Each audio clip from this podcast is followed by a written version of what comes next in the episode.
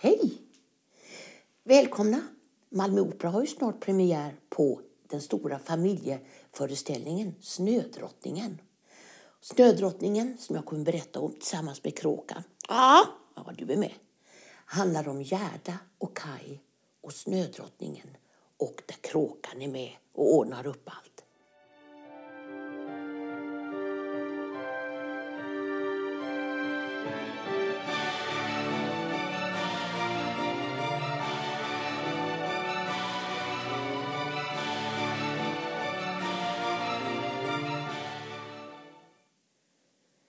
Det var en gång en ondskefull och känslokall snödrottning.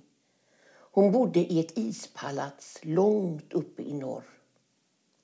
Väggarna och golvet i hennes slott, ja till och med taket, var gjorda av is.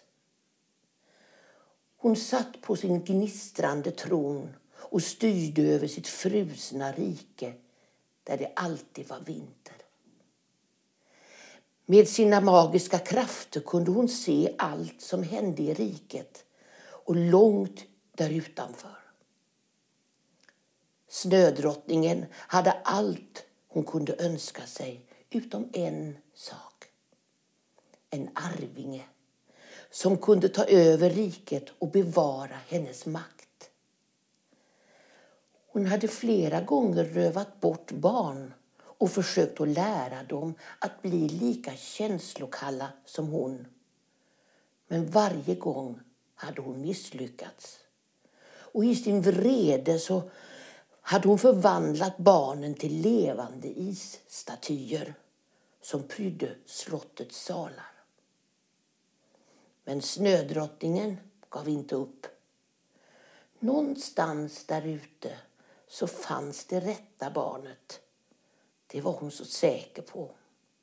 En liten pojke eller flicka som hon kunde röva bort när den rätta stunden var inne. Långt från snödrottningens vinterkalla rike i en liten vindsvåning bodde en elvaårig pojke som hette Kai tillsammans med sin mormor och en föräldralös flicka som hette Gerda. Kai och Gerda lekte alltid med varandra. De hade växt upp tillsammans och de var allra bästa vänner. En dag när snödrottningen stod och speglade sig i en vacker magisk isspegel så hörde hon plötsligt barnskratt och fnitter.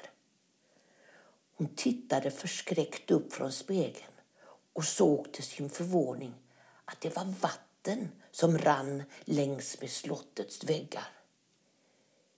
Isen hade börjat smälta.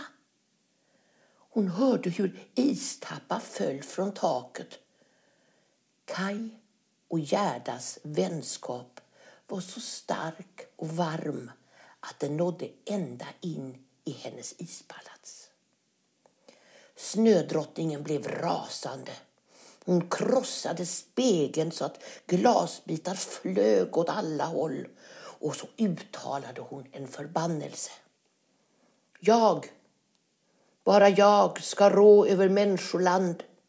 Flyg skärvor och sprid kyla med vindens hand. I känslolös bister bris vart hjärta ni träffar blir kallt som is. Vart öga ni träffar ser sen inte gott. Vänd kärlek till isande förakt. Jag sänder skärvor av kristall. Flyg över jorden och gör jorden kall. Spegelskärvorna virvlade runt snödrottningen. Med en handrörelse så skickade hon ut skärvorna genom fönstret och vidare ut i världen. Hemma hos Kai och Gerda var det vår och grönska. Just den dagen som snödrottningen krossade sin spegel så lekte de inomhus och Gerda provade ett par fina röda skor som hon fått av mormor. Kai tittade upp och såg till sin förvåning snöflingor falla utanför deras fönster. Nu är snödrottningen tätt inpå, sa mormor. Och så berättade hon sagan om den vackra men känslokalla snödrottningen. Det sägs att hon lockar och rövar bort barn. Hon fryser deras hjärtan till is med en kyss. Hon söker sin like. Men blir hon besviken får de pryda hennes slott som statyer av is. Det började bli lite kyligt i vindsrummet och mormor gick ut för att hämta mera ved till brasan. Gerda vände sig mot Kai. Tänk om snödrottningen kommer och tar dig, sa hon. Ha, då sätter jag henne på spisen tills hon blir vatten, svarade han kaxigt. Kom, vi går ut på taket och leker i snön. Kai och Gerda sprang ut på takterrassen för att leka i snön. Då såg de att deras rosor var alldeles översnöade. De borstade försiktigt av rosorna så att de inte skulle frysa och började sen göra snöänglar. När Kai låg där på rygg i snön så såg han någonting som blixtrade till i luften.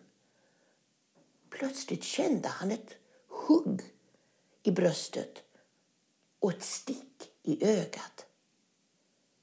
Det var snödrottningens magiska spegelskärvor som hade träffat honom.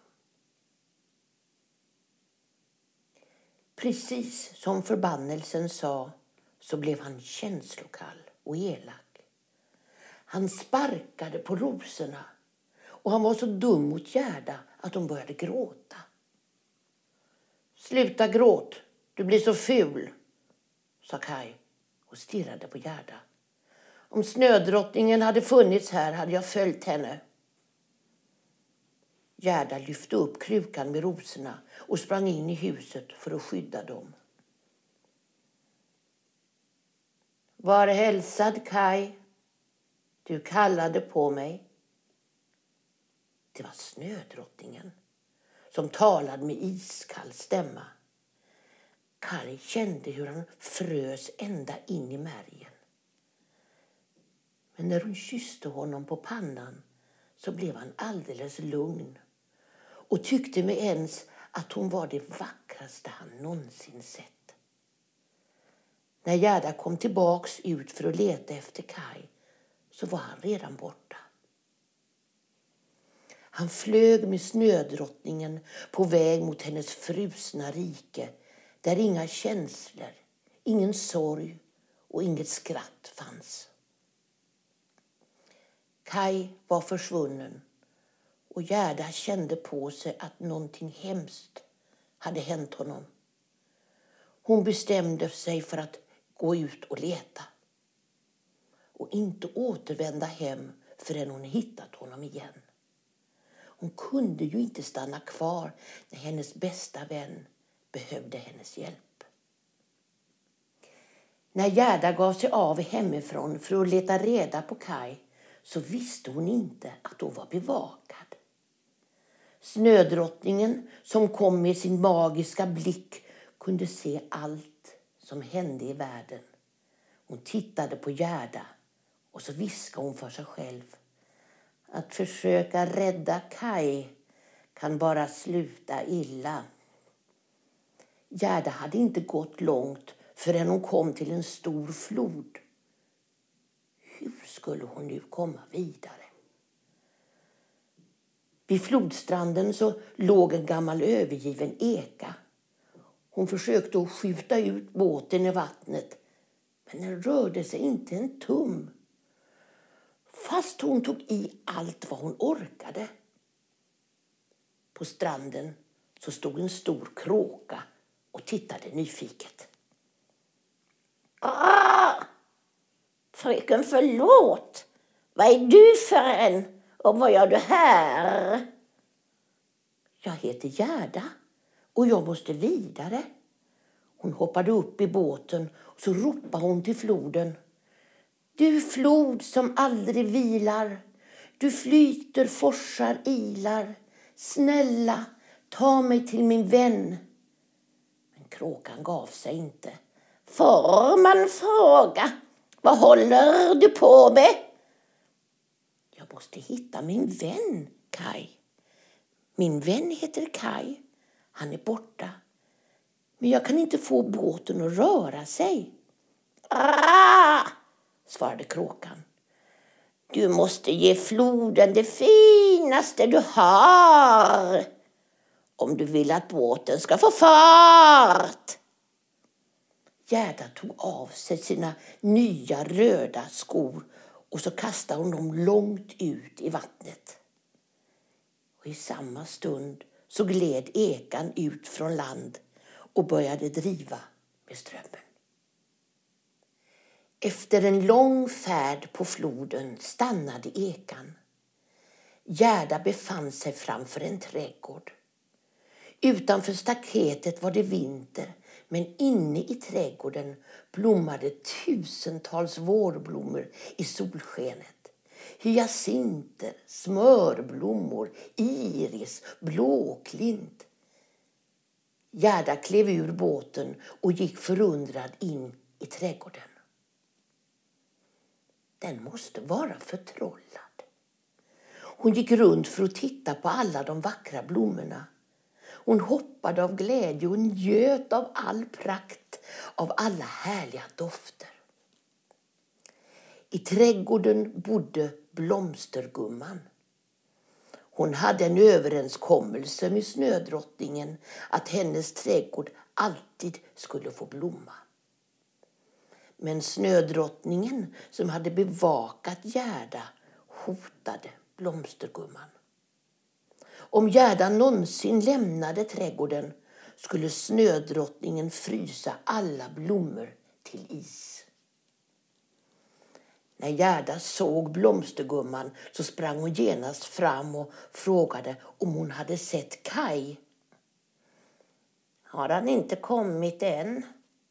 Nej, men han kommer snart, svarade gumman lite lurigt.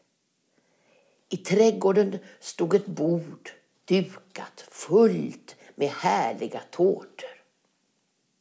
Och blomstergumman bjöd Gerda att smaka och satte en fin blomsterkrans på hennes huvud. Så lätt blev Gerda lurad. Tårtorna och blomsterkransen var förtrollade.